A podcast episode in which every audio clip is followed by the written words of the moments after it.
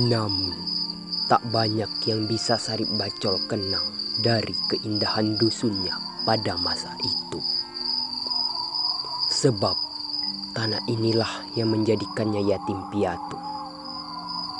Juga sungai Tebat telah lama berubah menjadi petaka yang menyusahkannya. Sungai tak lebih daripada cekung tanah yang mengundang maut.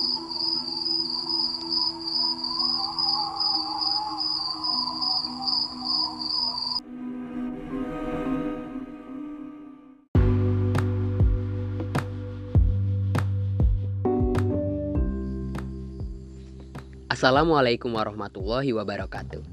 Selamat malam teman-teman semua. Apa kabar? Semoga dalam keadaan sehat walafiat bersama keluarga tercinta. Bagaimanapun pandemi telah mengubah pola hidup kita setahun belakangan ini. Beruntunglah teknologi membantu kita untuk tetap terhubung meskipun saat ini kita sedang dibatasi oleh jarak. Izinkan saya memperkenalkan diri saya terlebih dahulu. Nama saya Eki Saputra, Usia saya 24 tahun sejak tanggal 29 September lalu. Sebelumnya, perkenankan saya menggunakan sapaan teman-teman kepada audiens sekalian selama sharing berlangsung. Walaupun saya tahu usia kita barangkali memiliki selisih yang cukup jauh. Tetapi demi kenyamanan dan kemudahan penyampaian materi, serta mendekatkan kita semua agar bisa saling terbuka dan menerima wawasan baru. Tanpa saya berusaha mengkotak-kotakan kelompok satu dengan kelompok lainnya. Dan semoga kita bisa sama-sama rendah hati untuk saling menginspirasi dan mendengarkan cerita satu sama lain. Saya yakin, sesungguhnya kita berada di ruang ini atau di grup ini karena kita memiliki minat yang sama. Terima kasih sebelumnya kepada Mas Eko dan kawan-kawan pengurus grup yang telah mengundang saya untuk membagikan sedikit pengetahuan di grup komunitas sastra masa kini. Terima kasih juga buat teman-teman yang sudah berkenan hadir pada malam ini. Sesuai tema, malam ini saya akan sharing mengenai perjalanan saya saat menuju URF. Lebih tepatnya jalan panjang saya saat melahirkan karya. Kenapa saya katakan perjalanan? Bukan sudah sampai tujuan ya. Karena untuk berada di titik ini, titik di mana saya bisa bersuara dan didengarkan oleh kawan-kawan semua, tidak lepas dari jalan terjal dan curam yang pernah saya hadapi selama beberapa tahun terakhir. Jalan terjal yang saya katakan di sini bukanlah hanya menyangkut tantangan dan kesulitan dalam menulis itu sendiri, melainkan juga proses pembentukan, cara berpikir, dan proses kreatif yang begitu panjang dan rumit. Semula tentu berawal dari pengalaman kehidupan yang saya lewati. Semuanya bersatu padu menjadi utuh dalam sebuah kerangka berpikir sederhana yang akhirnya membentuk karakter dalam tulisan-tulisan saya. Sebab itulah, saya memberi judul materi ini Aku Menulis Maka Aku Ada. Judul ini adalah plesetan dari Dictum Descartes, seorang filsuf Perancis ternama, yang dalam bahasa Latin dikenal dengan cogito ergo sum. Aku berpikir, maka aku ada. Dengan kita menulis, artinya kita sudah berpikir. Kita menangkap secara sadar segala rangsangan dengan panca indera, merasakannya, mengendapkannya, merenungkan kemudian melahirkan gagasan dan ide yang selanjutnya dituangkan menjadi karya sastra. Saya akan mengajak teman-teman belajar mengolah pikir, mengolah rasa, kemudian menciptakan karya yang bernas sehingga meninggalkan makna yang mendalam bagi banyak pembaca. Tidak hanya sekali lewat saat dibaca, meskipun kita tahu bahwa cerpen adalah karya yang dibaca sekali duduk. Kenapa saya tidak mau mengajarkan teknik dalam menulis? Mengenai teknik dalam menulis, saya rasa teman-teman sudah memiliki seperangkat pengetahuan kebahasaan. Barangkali lebih mumpuni daripada saya sendiri. Ada begitu banyak teori-teori di luar sana, entah dalam buku-buku, webinar, website yang mengajarkan how to, do and don't, atau peraturan saat sedang menulis. Saya tidak akan mengajarkan ulang karena saya rasa teman-teman bisa mendapatkannya di tempat lain. Kalaupun nanti ada sesuatu yang bersifat teknis, yang saya bahas singkat di sini atau dalam modul yang akan saya kirimkan, itu bukanlah hukum ketat yang harus teman-teman patuhi, melainkan hanya saran-saran yang bisa saya terapkan. Maksud saya yang biasa saya terapkan selama menulis. Teman-teman bisa mengambilnya, memilihnya, atau mengkritisinya selagi itu tidak sejalan dengan prinsip yang teman-teman pegang. Sebab menurut saya modal utama menjadi seorang penulis fiksi itu bukan cuma persoalan memindahkan kata-kata, menyusun kalimat dan menjadikannya paragraf lantas selesai. Menulis itu adalah proses yang terus-menerus mengalir dalam pikiran seorang pengarang, bahkan sejak tulisan itu belum menjadi sebentuk karya atau ia selesaikan. Bagaimana cara kita agar bisa menulis sejak dalam pikiran? Hal ini hanya bisa terjadi jika kita sudah memiliki pola pikir seorang penulis. Apa saja? Mari kita kupas sedikit demi sedikit malam ini.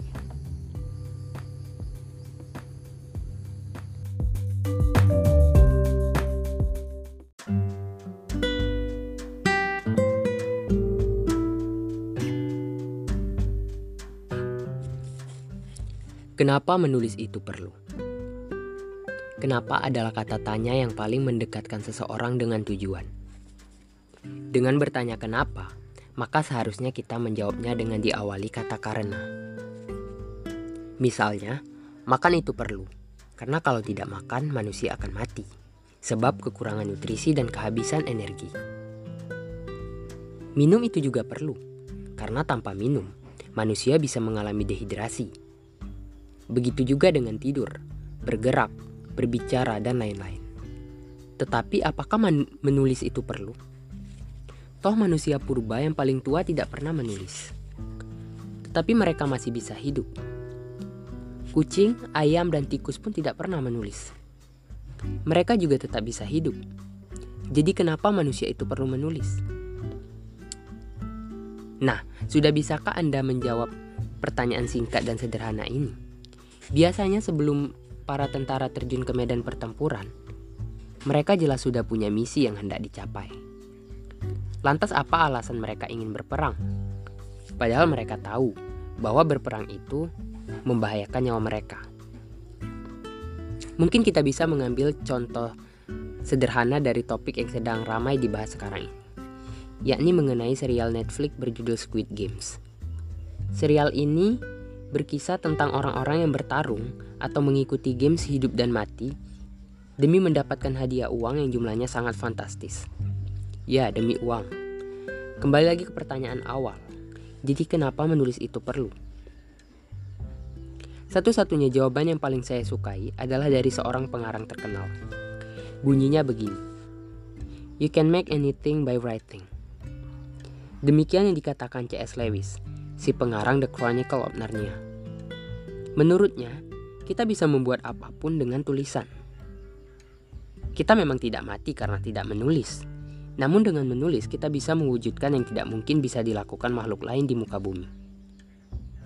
Menulis adalah produk evolusi manusia setelah bahasa dan imajinasi.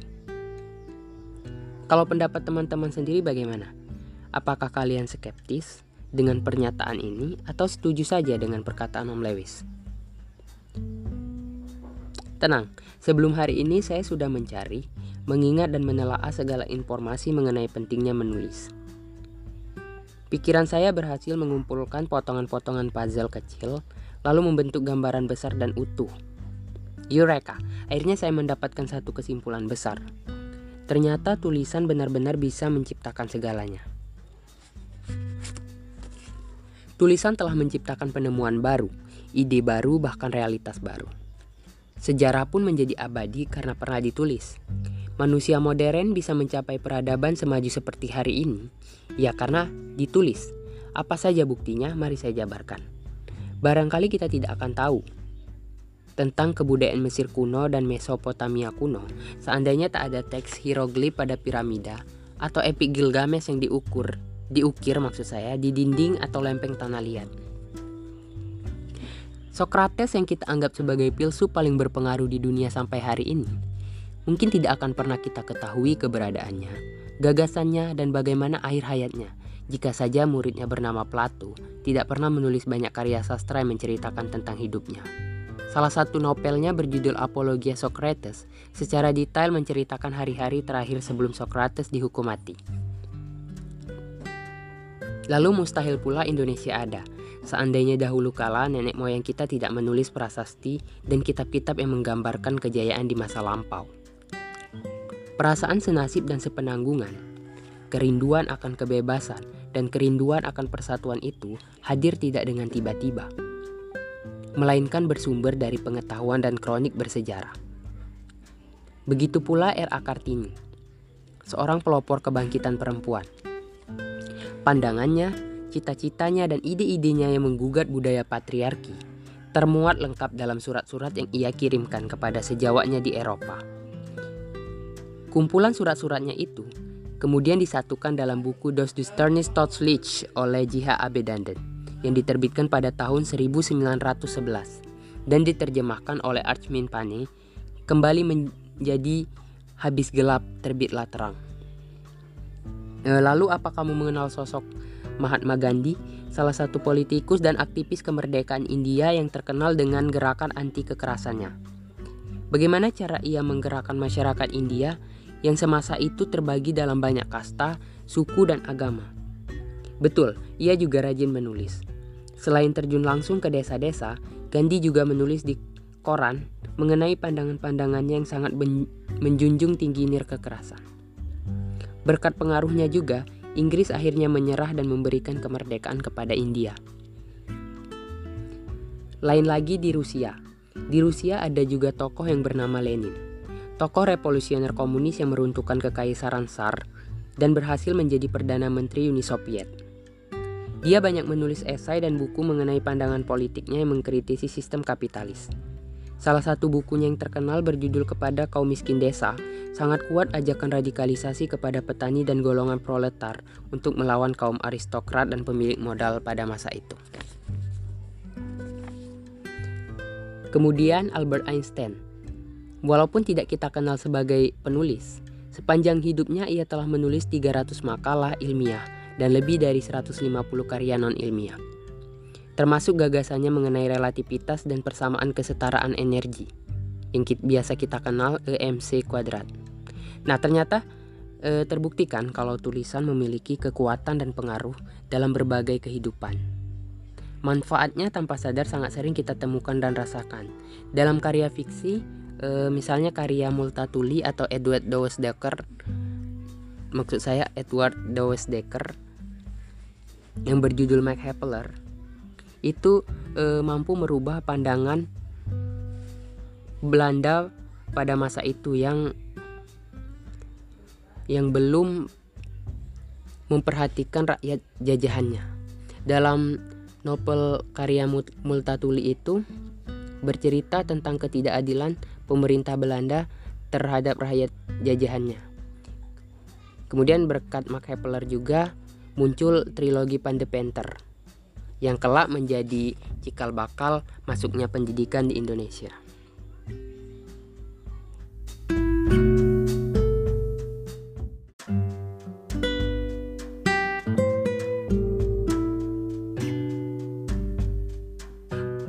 Dalam kehidupan sehari-hari, Misalnya eh, saat kita membaca karya sastra berupa novel atau cerpen, kita akan menemukan hikmah dan pesan moral yang entah tersirat langsung atau kita sarikan sendiri dari hasil bacaan itu. Atau ketika kita membaca buku pengembangan diri, pola pikir kita menjadi berubah dan lebih bersemangat serta optimis. Demikianlah kekuatan tulisan. Nah, setelah tahu pentingnya tulisan, Seharusnya kita tidak lagi ragu-ragu jikalau ingin menulis utamanya fiksi. Kita bisa menciptakan apa saja melalui tulisan kita. Kita bisa menyuarakan kegelisahan, rasa takut, harapan, atau impian yang mungkin belum terwujud. Kita bisa mengalami sesuatu tanpa perlu menjalani kejadian itu sendiri melalui karakter dalam fiksi. Kita dapat memulihkan jiwa yang terluka dengan menulis, entah itu jurnal pribadi maupun fiksi. Kita harus tahu bahwa kita semua sebetulnya bisa menulis cerita. Menulis itu tidak sesulit yang dibayangkan. Menulis bukan bakat eksklusif. Menulis bukan milik segelintir orang. Semua orang bisa menulis. Asalkan, ya asalkan kita bisa membaca. Tiang kedua yang harus dimiliki seorang penulis ialah kemampuan menerjemahkan aksara dalam bentuk kata. Mengapa bukan tiang utama? Sebab Sejak kita lahir, kita sudah dibekali oleh Tuhan Yang Maha Esa sesuatu yang hebat. Sekarang e, muncul pertanyaan di benakmu lagi. Sesuatu yang apakah itu? Mari kita lanjutkan di sesi berikutnya.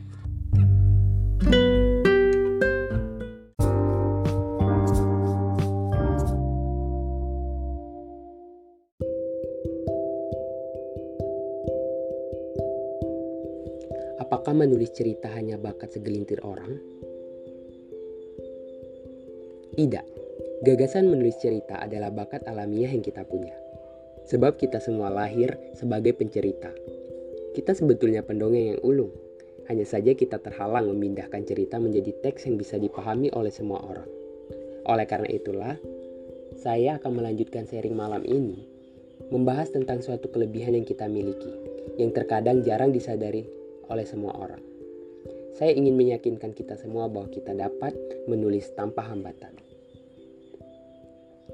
Aksara dan bahasa adalah penemuan terhebat manusia setelah fiksi. Sebelum adanya aksara, manusia prasejarah atau Homo sapien menyampaikan pesan atau catatan peristiwa menggunakan medium berupa gambar. Mereka menjiplak telapak tangan dengan pewarna alami dari tanaman yang ditumbuk ke dinding gua Kemudian mereka menggambar hewan-hewan liar yang mereka jumpai, seperti babi atau anoa. Tujuan mereka menggambar hewan-hewan itu yaitu untuk berkomunikasi dengan sesamanya. Mereka ingin menceritakan pengalaman berburu dan apa saja yang mereka temui ketika sedang berburu. Saat itu aksara belum ditemukan.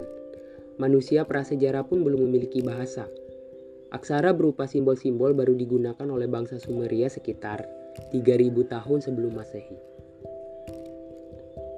Akan tetapi, meski mereka belum bisa menulis dan berbicara, ada sisi menarik dari kebudayaan manusia praaksara baru-baru ini yang dikemukakan oleh para peneliti. Sebuah lukisan gua purbakala ditemukan di Kabupaten Maros, Sulawesi Selatan. Lukisan itu menampilkan gambar babi liar dan anoa dengan figur berukuran lebih kecil mirip manusia, tetapi punya setengah bagian tubuh mirip hewan. Gua itu diketahui sudah berumur 44.000 tahun lebih dahulu dibandingkan temuan lukisan dan artefak yang berada di Eropa.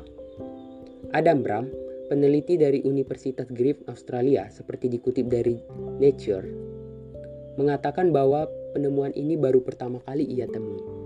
Lantas kenapa sih hal ini dianggap penemuan yang sangat penting? Ini menyangkut sejarah imajinasi. Jadi manusia praaksara pada awalnya dianggap belum memiliki kecerdasan seperti manusia sekarang. Mereka cuma meniru realita fisik yang mereka lihat dengan kasat mata atau yang mereka jumpai sehari-hari. Mereka belum memiliki imajinasi yang hebat. Para ahli mengira kemajuan cara berpikir manusia pertama kali terjadi di Eropa, sebagaimana bukti-bukti penemuan beberapa tahun terakhir. Namun, keberadaan lukisan gua di Sulsel ini yang berumur lebih tua telah menggugat ulang pernyataan sebelumnya. Hal ini membuktikan bahwa nenek moyang kita sebenarnya sudah lama mampu membayangkan sesuatu di luar realitas objektif mereka atau apa yang tidak ada e, di dunia nyata. Pendeknya mereka sudah mampu menceritakan mitos dan kekuatan magis bahkan sebelum mereka mengenal aksara. Jika dugaan ini benar, maka sebenarnya kita patut berbangga diri Artinya nenek moyang kita sudah lama pandai mendongeng. Mereka sudah bisa menciptakan fiksi jauh-jauh hari. Yang artinya bakat alamiah kita manusia sudah ada sejak eh, zaman praaksara. Di antara semua makhluk bumi, hanya manusialah yang dapat menciptakan fiksi. Kambing tidak bisa bergosip, anjing tidak bisa mengisahkan pengalamannya, dan monyet tidak bisa mendongeng. Sementara manusia dapat melakukan apa saja.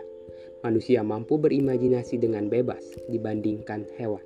Sebagaimana yang dikatakan Harari dalam acara TED, dengan imajinasi manusia dapat menciptakan realitas fiksi, selain realitas fisik atau yang kasat mata.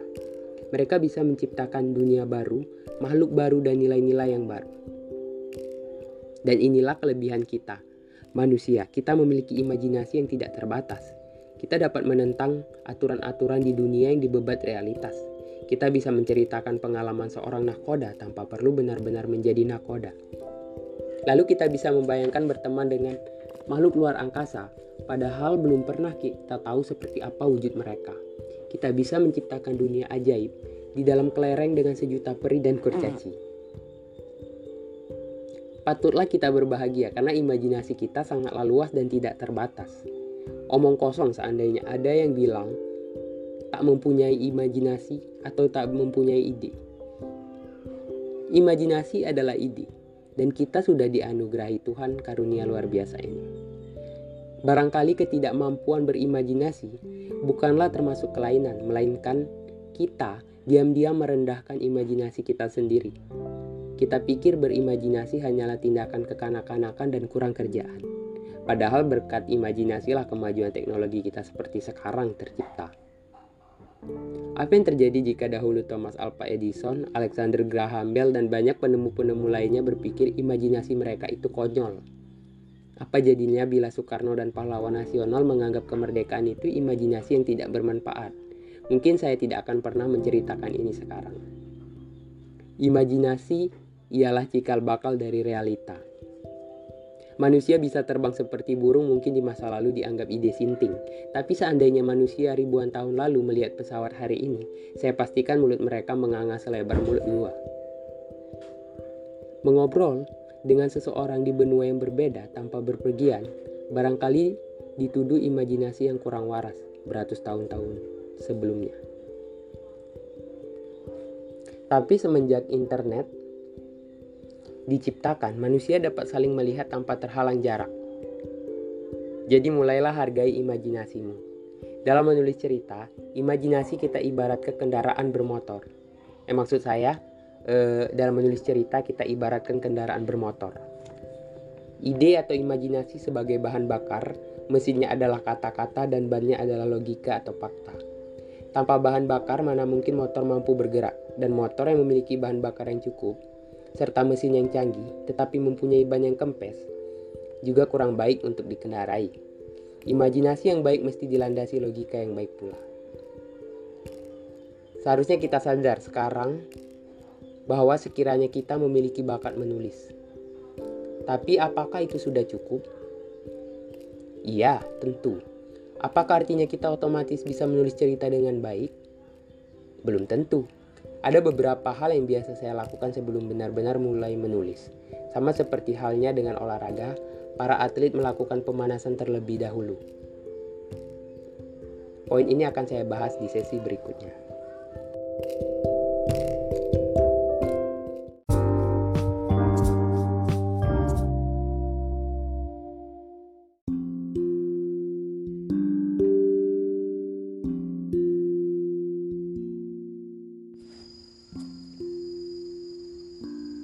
Apa bedanya menulis fiksi dan curhat?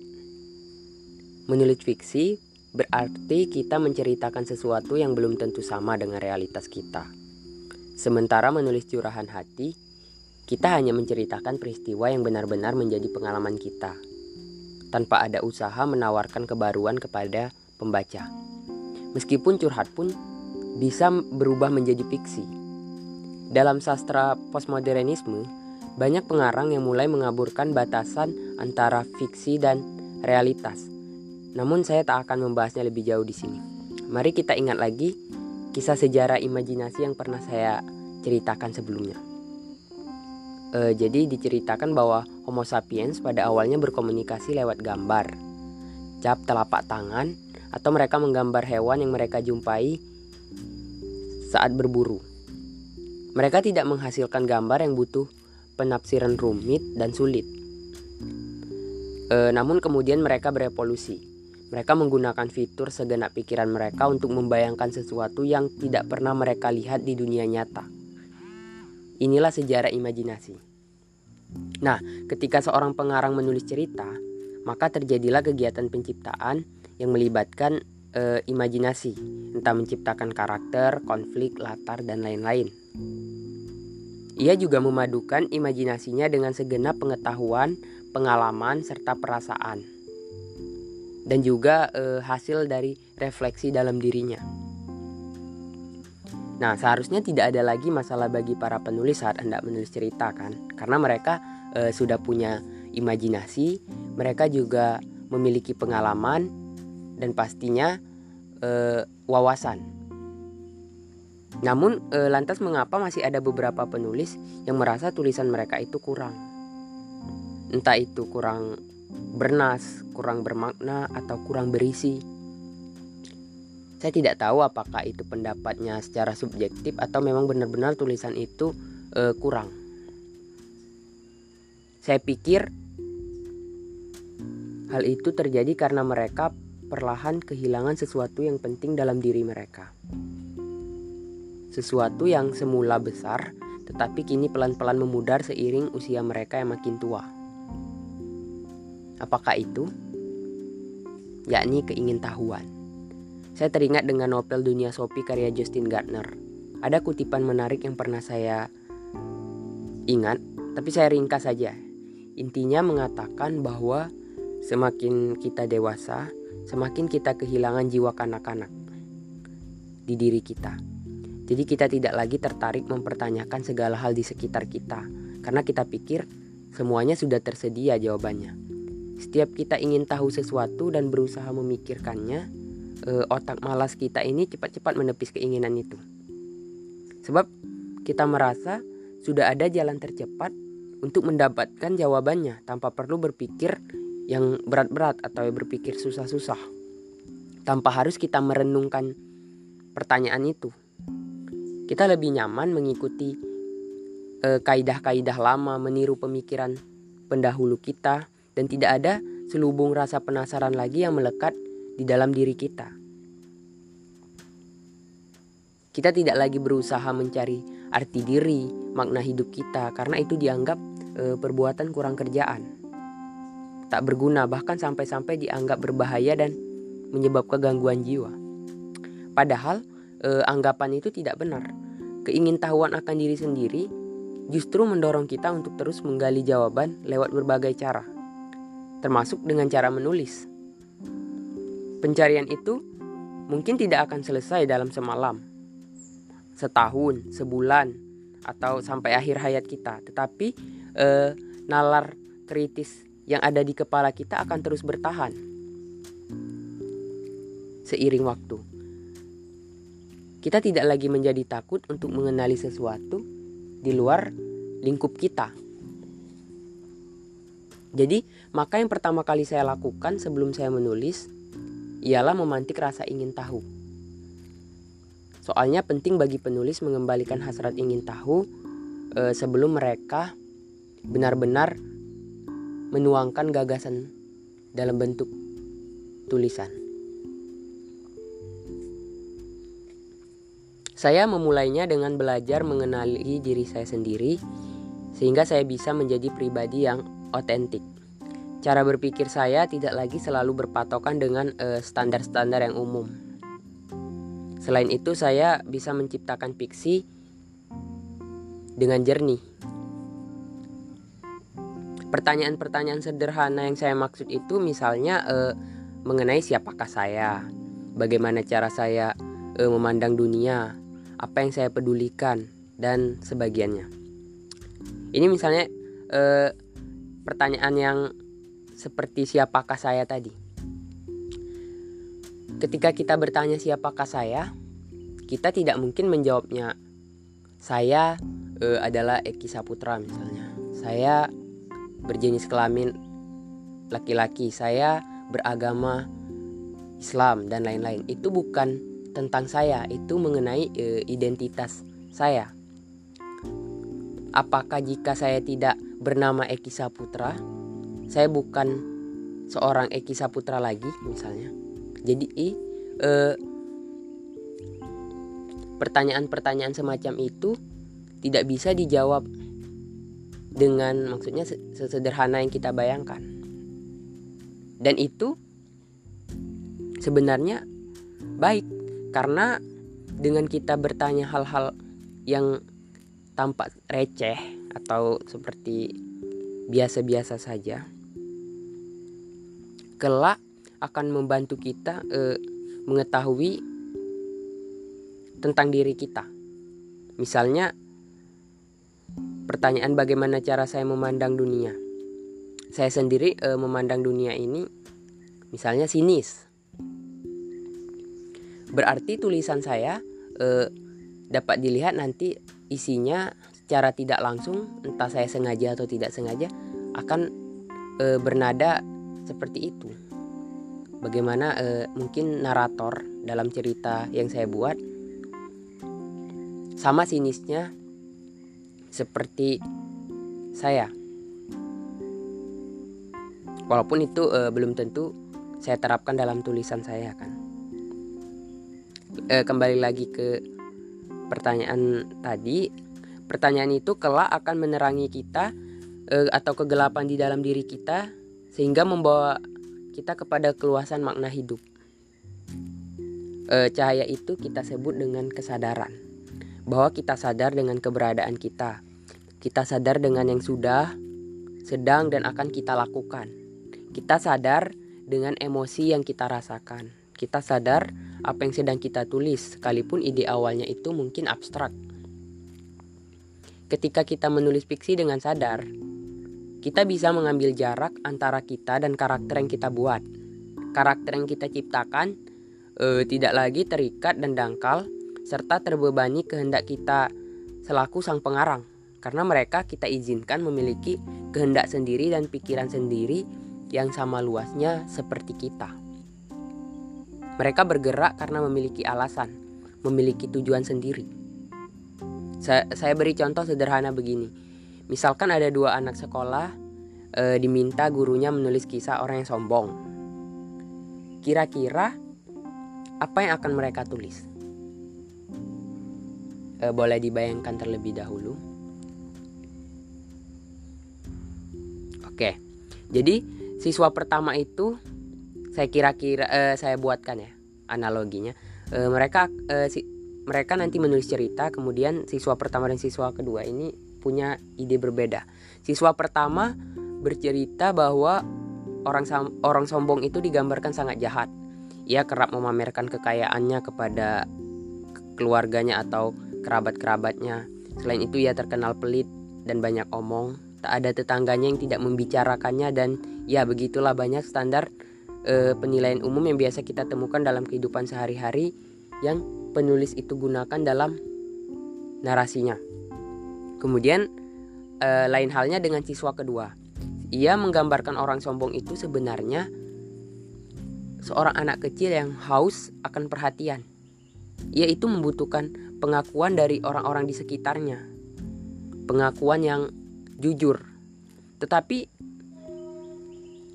dia merasa sering diabaikan sehingga dia mencari-cari cara bagaimana agar ia berhasil mendapatkan e, perhatian atau pengakuan itu meskipun melalui jalan yang buruk. Sebetulnya ide penulis pertama ini tidak salah. Ia hanya mengikuti uh, arus pandangan orang-orang pada umumnya. Namun saat ditulis dalam bentuk cerita, hal-hal semacam itu uh, tidak lagi menarik atau istilahnya terlalu dogmatis ya.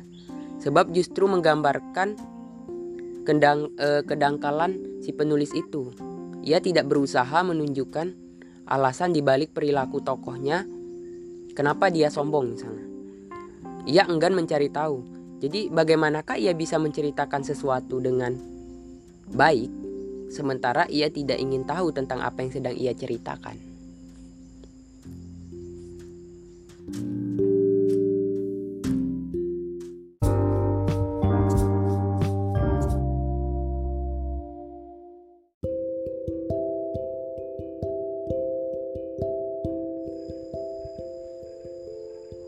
sebelumnya saya sudah membahas tentang kesadaran, maka seharusnya ketika kita akan melakukan sesuatu, termasuk menulis, kita pasti sudah sadar apa tujuan yang hendak kita capai dari tulisan kita.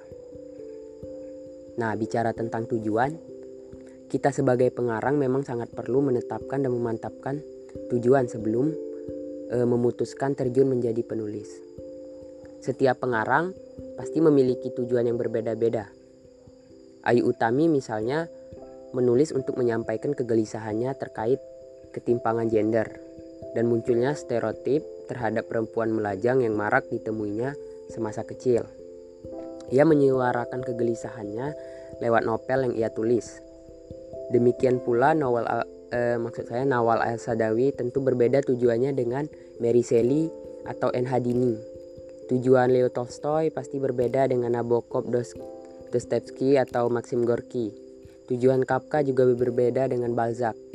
Tujuan mereka menulis mungkin berbeda atau sama dengan kita. Uh, saya sendiri menulis fiksi realis alasannya untuk menyampaikan kepedulian dan keprihatinan saya terhadap dua isu besar, yakni isu lingkungan dan sosial. Walaupun secara tidak langsung penulis itu sudah mewakili masyarakat e, masyarakatnya itu sendiri.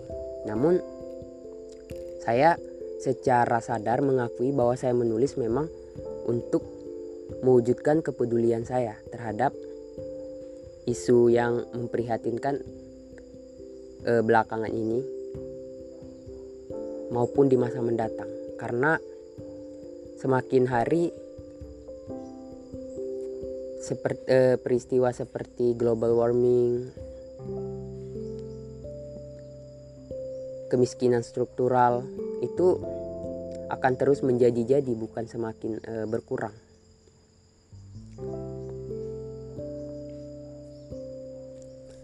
Menulis fiksi realis itu paling mendekatkan saya dengan tujuan eh, saya tersebut. Karena sejalan dengan pendapat Armin Pane dalam esainya di Harian Rakyat, e, bunyinya begini. Seorang hamba seni hidup dalam masyarakat. Jadi seorang ahli masyarakat itu ia adalah anak kepada masyarakat itu. Ia adalah gambaran daripada masyarakat itu, seperti semua ahli masyarakat itu juga bersifat begitu. Segala kejadian perubahan dalam masyarakatnya itu akan ternyatalah pada lukisannya. Kalau ia seorang pujangga atau pengarang, ia akan eh, akan teranglah perubahan itu pada sajaknya atau karangannya. Saya ingin mengajak orang-orang melihat realitas lewat kacamata fiksi. Dengan cerpen atau novel yang saya tulis, saya tidak perlu lagi menasehati siapa pun atau menuliskan anjuran yang tidak orang lain inginkan atau ingin mereka baca. Toh kenyataannya kebanyakan dari masyarakat kita tak ada yang ingin dihakimi atau dikritik. Beruntungnya fiksi dapat melampaui itu semua. Ia mampu mengajak pembaca untuk turut merasakan, memikirkan dan mencarikan ide atau solusi atas suatu masalah tanpa mereka harus mengalami celaan atau kritikan yang tajam. Fiksi juga memiliki daya halus yang mampu menggerakkan orang-orang untuk mengambil tindakan di dunia nyata. Itu mengenai tujuan saya menulis. Tapi pun tak, eh, tak ada aturan yang menuntut kita harus memiliki tujuan yang besar atau kecil. Jika menulis bagi kalian cuma untuk medium mengekspresikan diri dan bersenang-senang, ya boleh saja. Itu termasuk tujuan. Atau menulis demi mencukupi kebutuhan hidup, ya tidak masalah. Tak ada standar tujuan yang paling benar dan salah. Tidak ada kewajiban mesti menulis yang syarat nilai universal dan mencapai adiluhung. Karena kita mau menulis atas kehendak diri sendiri bukan paksaan dari siapa pun. Kamu pengarang yang bebas berkarya. Tulis yang ingin kamu tulis, cintai yang kamu kerjakan. Dengan begitu, kamu akan menjalaninya tanpa tekanan dan gembira. Terima kasih.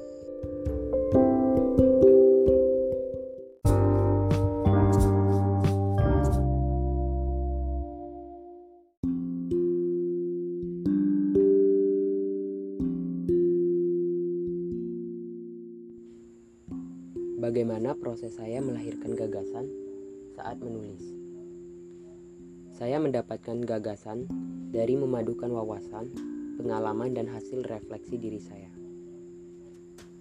Proses berkarya yang saya lakukan mengikuti falsafah leluhur bangsa kita, yaitu konsep tridaya. Pertama cipta, yang kedua rasa, yang ketiga karsa konsep ini uh, tiga in, konsep tiga trida atau tridaya ini tidak harus urut. Bisa saja dibalik atau diatur sesuai dengan momentum kita. Namun e, pada proses saya menulis saya biasanya dimulai dari rasa.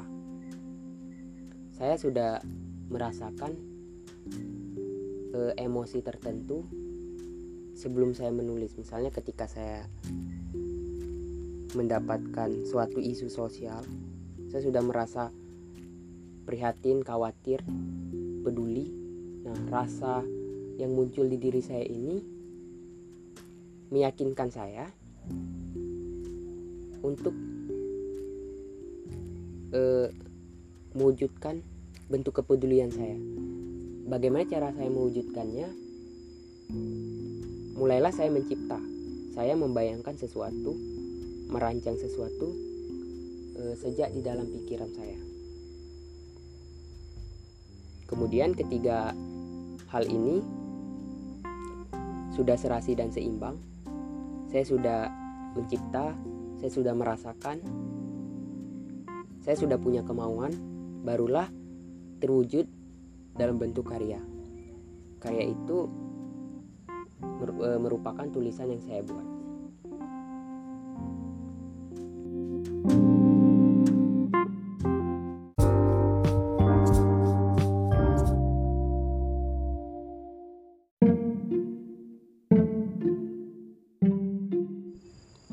Apa yang ada di pikiran saya saat sedang menuangkan ide? e, saat saya menuangkan ide, saya keluar dari kotak. Tugas saya bukan hanya menjadi pencipta, tetapi saya menjadi seorang pengamat dan pendengar. Maksud dari berpikir di luar kotak ini, sejatinya ketika kita e, di luar, maksudnya di dunia kita sekarang, di realitas kita sekarang. Kita sudah punya nilai atau norma-norma yang utuh. Namun ketika kita sudah menulis, kita tidak lagi memakai standar nilai yang kita terapkan di dunia nyata. Kita harus keluar dari kotak kotak kungkungan tadi. Sekarang kita melihat sisi lain dari kejadian yang ada di sekitar kita. Barulah kita bisa menuangkannya menjadi e, fiksi yang baik. Karena kalau kita cuma memindahkan realitas ke dalam fiksi, itu tidak apa ya tidak menghasilkan kebaruan atau hal-hal yang patut untuk menjadi pertimba, e, perenungan bersama.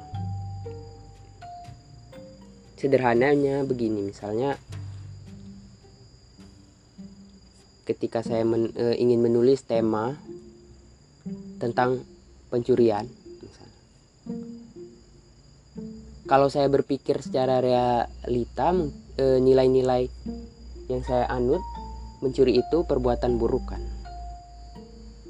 Apakah ketika saya menulis fiksi saya harus bercerita tentang mencuri itu buruk segala macam?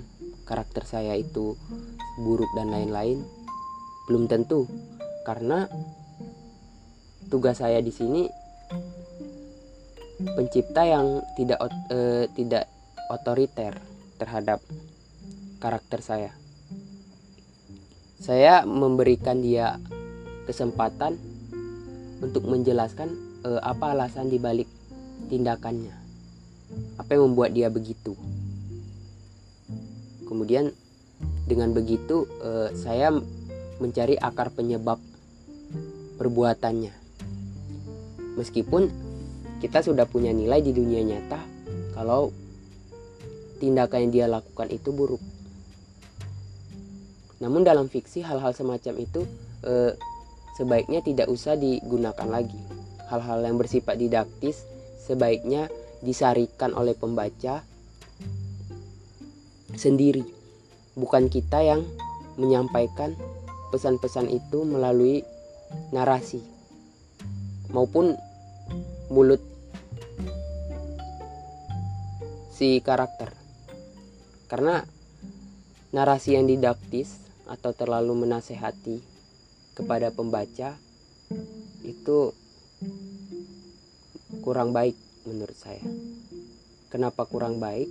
Karena pembaca tidak tidak perlu bersusah payah lagi untuk berpikir. Mereka hanya dijejali sesuatu. Akhirnya mereka ketika selesai membaca tidak lagi menyimpan memori atau pesan yang ingin kita sampaikan berbeda dengan cara yang saya anjurkan tadi.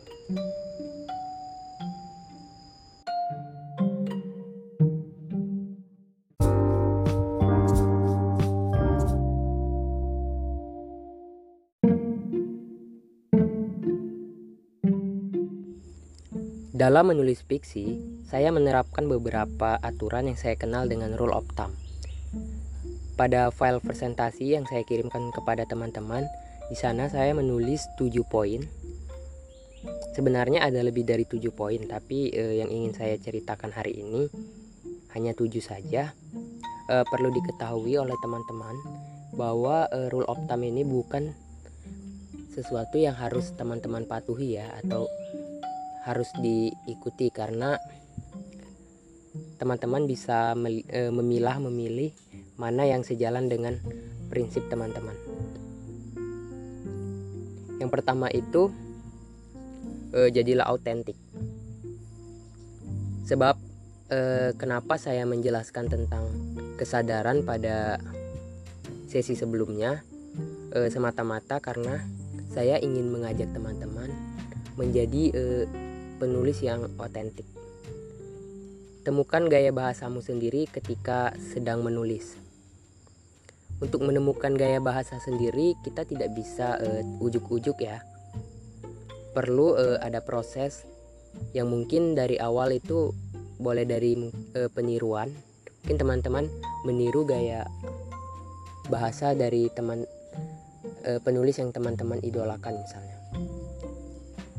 dari peniruan beberapa penulis yang teman minati itu eh, teman-teman eh, kemudian memadukan dengan gaya khas yang teman-teman miliki sendiri.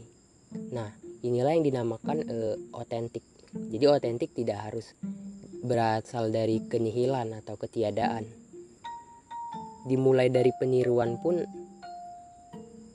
termasuk otentik, asalkan Eh, teman-teman bukan meniru satu jenis eh, satu jenis tulisan atau satu macam penulis saja gaya bahasa satu penulis. Yang kedua beranilah. E, di sini saya katakan kenapa berani. E, seorang penulis itu harus berani bereksperimen saat menulis karya sastra karena karya sastra itu seperti yang saya kutip dari pernyataan uh, Ayu Utami beberapa bulan yang lalu, karya sastra itu tidak mengenal kata kemapanan. Jadi teman-teman bisa mencoba bereksperimen baik dari segi isi, konsep maupun e, bentuk dari fiksi yang teman-teman buat. Yang ketiga bacalah. Ini mungkin aturan yang e, harus ya kalau saya sendiri dan bahkan setiap penulis selalu menyarankan kita untuk e, banyak-banyak membaca. Namun yang perlu ditekankan baca karya-karya yang menurut kita bermutu dan kita minati. Karena percuma juga e, banyak membaca karya yang kurang bermutu dan tidak kita minati, tidak e, itu tidak akan membekas pada kita untuk kat, e, kata mutu ini sendiri saya tidak menetapkan penulis ini bermutu atau tidak bermutu ya karena standar bermutu versi saya mungkin berbeda dengan bermutu versi teman-teman e, tetapi untuk standar karya bermutu versi saya sendiri saya e, menempatkan karya-karya klasik sebagai sastra yang bermutu Kenapa saya memilih karya sastra klasik? Karena menurut saya sastra klasik itu selalu relevan di setiap zaman. Jadi dibaca kapan pun tulisan itu e, masih bisa dipahami oleh generasi entah di masa depan atau di masa sekarang. Klasik pun tidak harus menunggu e, karya yang ditulis 100 tahun yang lalu atau sepuluhan tahun yang lalu. Tulisan yang baru dibuat sebulan yang lalu pun bisa masuk kategori klasik kalau eh, karya itu isinya pun rele, uh, relevan dan memenuhi syarat-syarat karya sastra klasik. Yang keempat, hindari narasi didaktis. Ini sebenarnya sudah saya sampaikan di sebelumnya, namun saya akan ulangi lagi. Jadi, meskipun kita memiliki kendali penuh dalam menulis baik narasi, dialog, dan penciptaan karakter, eh, walaupun kita memiliki pesan atau makna yang ingin kita sampaikan ke pembaca, jangan sampai uh, kita menulisnya secara apa um, frontal. Jadi pembaca itu tidak lagi menyarikan apa yang dia baca. Pembaca hanya membaca pesan yang ingin kita sampaikan, persis seperti non fiksi ya. Narasi didaktis itu maksudnya narasi yang berusaha menasehati uh, audiensnya. Saya ingat pesan dari mentor menulis saya ketika waktu itu saya baru-baru ingin menulis novel itu bagian bab tertentu saya banyak menulis narasi didaktis. Narasi didaktis ini kata beliau eh, kurang baik karena terlalu menggurui pembaca. Jika kita memang ingin menyampaikan sesuatu kepada mereka, biarkan e, pembaca menemukan sendiri makna dari tulisan yang kita buat. Ini jadi saran dari saya e, kurangi narasi didaktis atau kalau perlu hindari. Karena dengan menghindari narasi didaktis tulisan kita berpotensi untuk selalu diingat pembaca karena mereka akan e, setelah membaca masih merenungkan apa sih makna dari cerita yang mereka baca. Ketimbang mereka sudah disodorkan berbagai pesan dalam tulisan tersebut. Yang kelima itu jadilah fleksibel. Ya, betul. Meskipun kita eh, paham kaidah bahasa, kita tahu tata bahasa yang baik dan benar. Tetap saja ketika menulis fiksi, fiksi berbeda dengan non fiksi ya. Kita tetap harus mempertimbangkan seni dalam menulis. Jadi eh, sebisa mungkin buatlah tulisan yang fleksibel yang menyesuaikan saja dengan kaidah bahasa. Mungkin teman-teman pernah membaca teks novel yang cuma ada satu kata di dalam paragrafnya. Marah, titik, tidak ada penjelasan marah itu siapa yang marah atau apa. E, penulis benar-benar sengaja menulis kata marah yang berdiri dengan, satu kata itu. Mungkin tujuannya untuk penekanan dari kata e, kalimat sebelumnya. Hal semacam ini sebenarnya boleh selagi penulis itu bertujuan untuk memberikan eh, apa ya rasa dalam tulisan tersebut. Perlu diketahui eh, fleksibel di sini bukan berarti kita benar-benar mengabaikan kaidah bahasa ya. Karena seseorang yang berani melanggar aturan biasanya dia sudah eh, paham dulu aturan yang ada. Jadi eh, teman-teman belajar dulu menulis yang konvensional mengikuti standar yang umum. Kemudian berlatihlah untuk mulai fleksibel atau menyesuaikan. Yang keenam sederhana tidak mengapa. Betul daripada teman-teman memaksakan diri saat menulis dengan kata-kata yang arkais atau istilah-istilah yang menjelimet dan tidak lazim yang sulit sendiri kita pahami, lebih baik gunakan kata-kata yang apa adanya, sederhana, namun tidak mengurangi kekuatan cerita itu. Tulisan yang eh, menggunakan banyak istilah-istilah aneh tidak berarti tulisan itu sudah bisa dianggap bagus ya. Pun kalau ada tulisan yang banyak eh, kata-kata arkais bukan berarti buruk ada beberapa penulis yang bisa e, menggabungkan istilah-istilah baru atau kata-kata yang jarang digunakan namun tetap nyaman ketika dibaca oleh pembaca. yang terakhir itu sensor kata perlukah. Setiap kata itu diciptakan dengan tujuan. Jadi jika memang dibutuhkan ketika kita menulis maka gunakan saja tanpa perlu mencari diksi serupa Toh selagi kata-kata itu relevan dan sesuai konteks, kenapa tidak kan? Maksud saya begini, misalnya eh, kita kenal ya dengan istilah umpatan, kata kasar dan lain-lain. Dalam beberapa cerita untuk tokoh-tokoh yang memang membutuhkan eh, kata-kata semacam itu, teman-teman bisa menggunakan diksi-diksi yang eh, mungkin dianggap tabu ya kalau di dunia nyata di realita kita. Tetapi ketika menulis fiksi teman-teman tidak perlu terkungkung untuk selalu memilih kata-kata yang baik-baik saja. Maksud saya yang terlalu diperhalus lah. Kalau kita sedang menceritakan misalnya preman masa preman bahasanya maksud itu lemah lembut mungkin eh, ada ya yang begitu tapi eh, bagaimana pembaca itu bisa terbawa situasi dalam cerita kalau mereka pun e, harus harus dihadapkan dengan kondisi saya naras maksud saya narasi yang tidak mengarah ke situ. Namun e, meskipun saya katakan di sensor kata itu tidak dibutuhkan, tetap saja gunakan kata sesuai e, konteks dan relevan dengan cerita. Jangan sampai eh, cerita yang ditujukan kepada anak-anak misalnya. Kita menggunakan bahasa-bahasa yang kasar. Padahal audiens itu cerita itu ditujukan untuk anak-anak. Dan kepada orang dewasa pun bukan berarti kita boleh menulis yang e, bebas ya.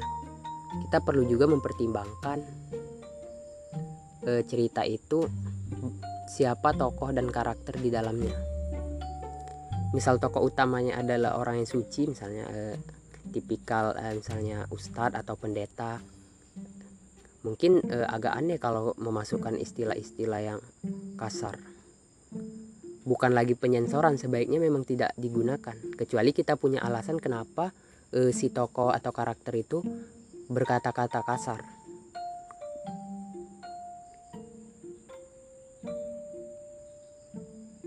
Jadi poin yang ingin saya sampaikan di sini, setiap penulis itu memang bisa mendobrak kemapanan.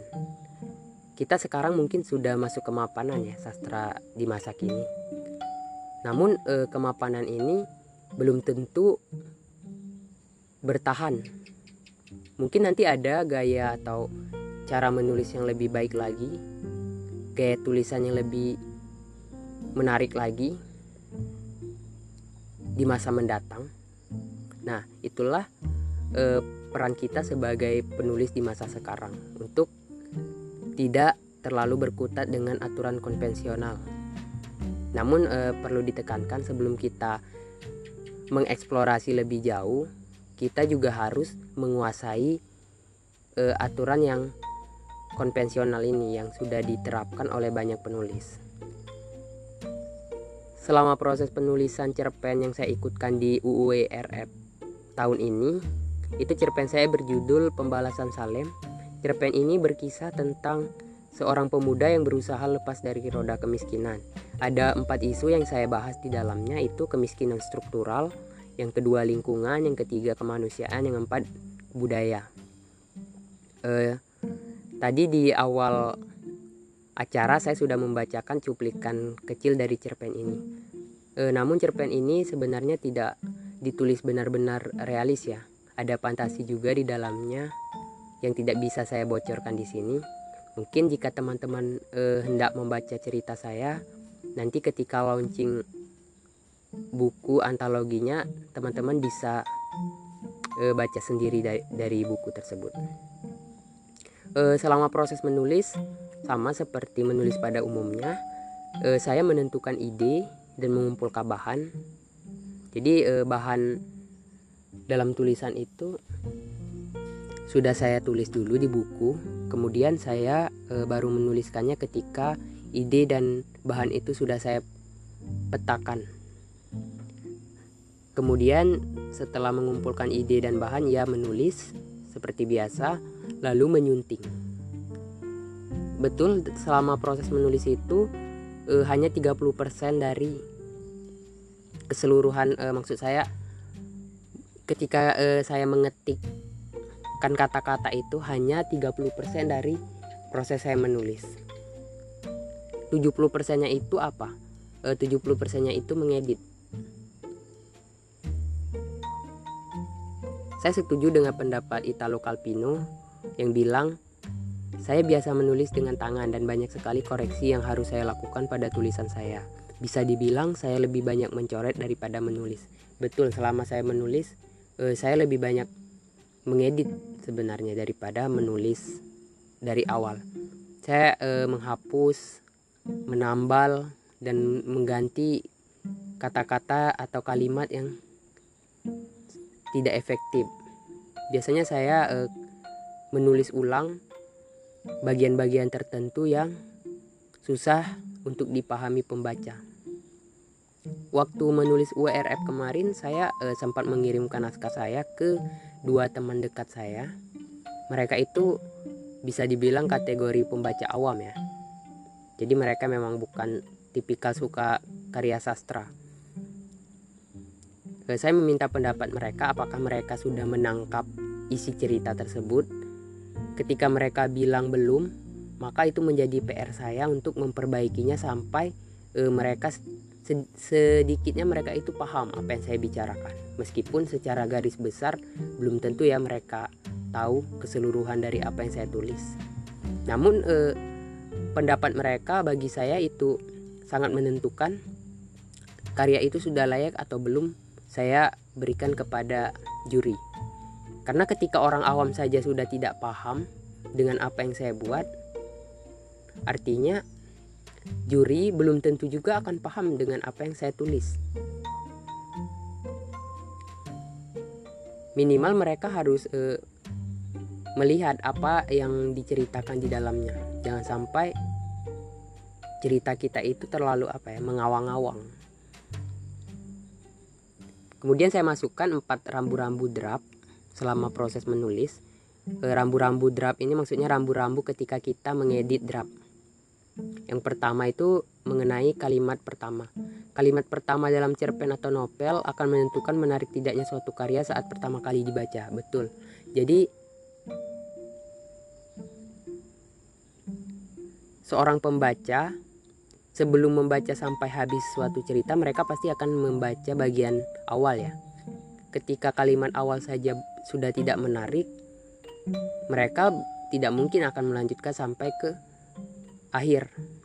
Jadi buatlah kalimat pertama yang benar-benar memikat. Seperti apa kalimat pertama yang benar-benar memikat itu? Hindari kalimat pertama eh, yang klise. Misalnya yang klise itu suatu hari matahari terbit dari ini. Kemudian aku adalah bla bla bla. Hal-hal seperti itu sudah banyak kita temukan di cerpen atau novel. Buatlah eh, kalimat pertama yang mungkin ganjil atau mengejutkan atau langsung ke dalam peristiwa yang akan diceritakan. Yang kedua awas rumpang alur. Maksudnya itu plot hole. Uh, buatlah narasi dan karakter yang konsisten dari awal hingga akhir cerita jangan sampai uh, ketika kita menceritakan karakter kita itu berubah-ubah. Mereka tidak konsisten. Misalnya di awal cerita uh, di kita ada tokoh kita misalnya perempuan perempuan ya ini sangat sangat-sangat religius misalnya. Kemudian di akhir cerita dia uh, clubbing misalnya. Ini kan agak ganjil ya kenapa misalnya ada perbedaan yang sangat jauh. Kita harus punya alasan. Selalu ada alasan kenapa seseorang melakukan sesuatu atau mereka berubah dari uh, sifat mereka yang awal. Yang keempat kaidah bahasa. Meskipun saya sebelumnya berkata fleksibel, namun kita tetap harus paham mengenai aturan bahasa yang sudah ada. Mengenai penulisan preposisi tanda, tanda baca maksud saya, sebaiknya diperhatikan juga. Sesekali cek kamus untuk memastikan suatu kata masuk dalam entry atau tidak. Jika menggunakan kata yang tidak baku, berilah eh, font miring. Kemudian tambahkan catatan kaki agar pembaca bisa memahami eh, kata-kata eh, itu. Jangan sampai memasukkan kata-kata yang tidak baku, kemudian tanpa penjelasan, dan sulit pula dicari di internet. Karena saya sering bertemu tulisan semacam itu, ada e, bahasa yang belum e, kata-kata yang tidak ada di kamus mana pun, tidak ada juga di internet. Penulis pun tidak memberikan keterangan di catatan kaki.